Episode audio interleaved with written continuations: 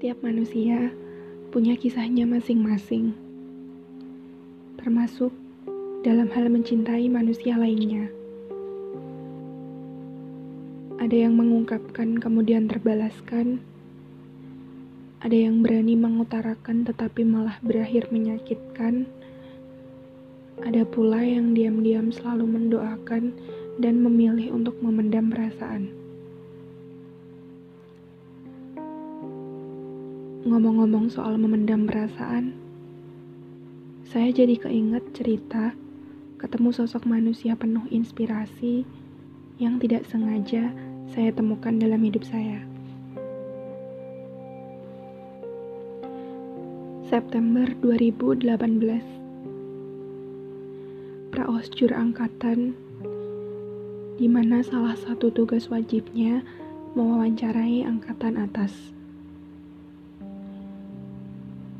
Saya mendapatkan sebuah nama yang ketika pertama kali membaca namanya, saya nggak tahu dia pria atau wanita.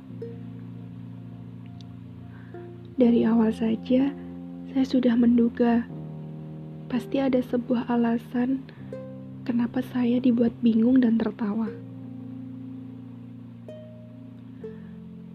Awalnya, saya kira dia seorang wanita tetapi setelah saya temui, ternyata dia seorang laki-laki. Pas ketemu di tempat, saya cuma ketawa nggak bisa berhenti. Kesan pertama, saya pikir orangnya itu pendiam, dan dia tuh cuma mau kenalan seadanya. Tapi, kesan itu sirna setelah saya tahu betapa cerewetnya dia betapa antusiasnya dia bercerita, dan betapa rajahnya dia. Dan hal yang lebih lucu, saya menyukainya sejak bulan pertama.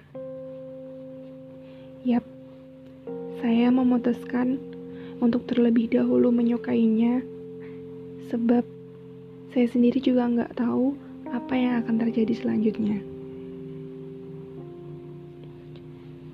Bulan berganti bulan, tidak ada lagi hal menarik yang terjadi antara saya dan dia.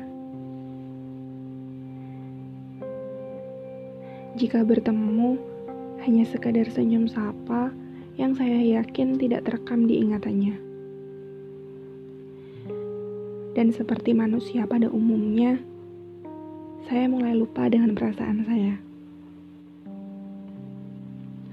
Tapi, Ternyata semesta nggak ingin saya menyerah. 17 Maret 2019, entah kesambut apa, saya membalas sebuah instastory miliknya. Saya nggak nyangka, responnya sungguh luar biasa. Saya masih ingat sekali, waktu itu pertama kalinya dia manggil saya adik geli sih. Tapi perasaan yang tadinya sudah sirna muncul kembali begitu saja. Semesta memang selucu itu. Dan di bulan-bulan selanjutnya kami hanya saling melihat instastory tanpa ada obrolan lagi. Hingga bulan Agustus 2019 bulan penuh kejutan bagi saya Waktu itu, saya masih ingat. Saya sedang bosan dan iseng-iseng menyimpan kontak WhatsApp-nya. Siapa sangka, ternyata dia sudah menyimpan kontak saya lebih dulu. Jika di posisi saya, kamu pasti senang kan? Bagaimana tidak? Sosok manusia penuh inspirasi yang tidak sengaja saya temukan dalam hidup saya menyimpan kontak manusia yang bahkan tak ada nyali ini. Saling membalas WhatsApp story dan bagian yang saya sangat suka adalah ketika ia bercerita tentangnya. Apa pun itu, makanan favoritnya, film kesukaannya, kebiasaan buruknya, rencana yang ia susun hingga mimpi-mimpi anehnya yang kalau saya buat daftarnya bisa berlembar-lembar. Sungguh membuat saya kagum sekaligus iri sekali. Pada akhirnya, kami mulai dekat. Namun, tidak bisa dikatakan terikat. Hingga Februari tahun selanjutnya, tahun 2020, kepanitiaan mengharuskan kami bersua lagi. Dia budak acara, saya budak dokumentasi. Tanpa saya sadari, foto dia sendiri mungkin sudah melebihi kartu memori. Enggak kok, saya bercanda. Hehe. Entah kebetulan apa yang terjadi waktu itu, saya selalu dibersamakan dengannya. Entah di acara-acara yang ada, saya pasti selalu bertemu dengannya. Hingga sampailah pada sesi motivasi, dan kami duduk di belakang peserta. Awalnya sungguh canggung karena sudah lama tidak bersua. Tapi lagi-lagi, dia memang sungguh pandai merangkai kata di awal jumpa kami.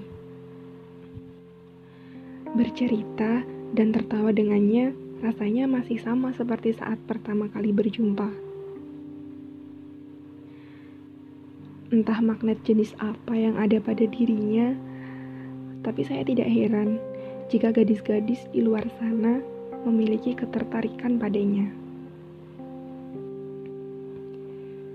Saya sadar, dia nggak cuma baik sama saya, dia baik ke semua orang. Sampai saya heran, kok ada manusia seperti dia?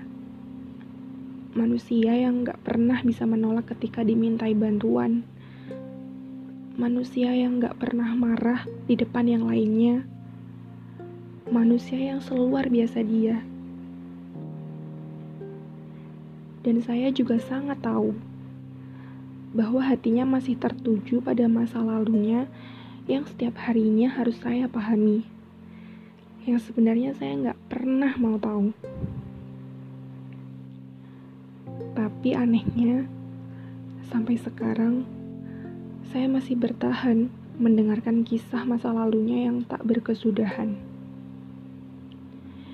Sebab susah kalau harus mendadak cari penggantinya.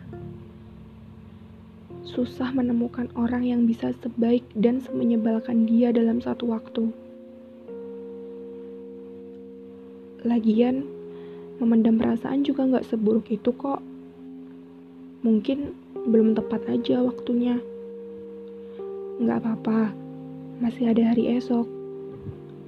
Nanti, kalau semesta sudah merestui, pasti ada aja jalan terbaik yang menemani.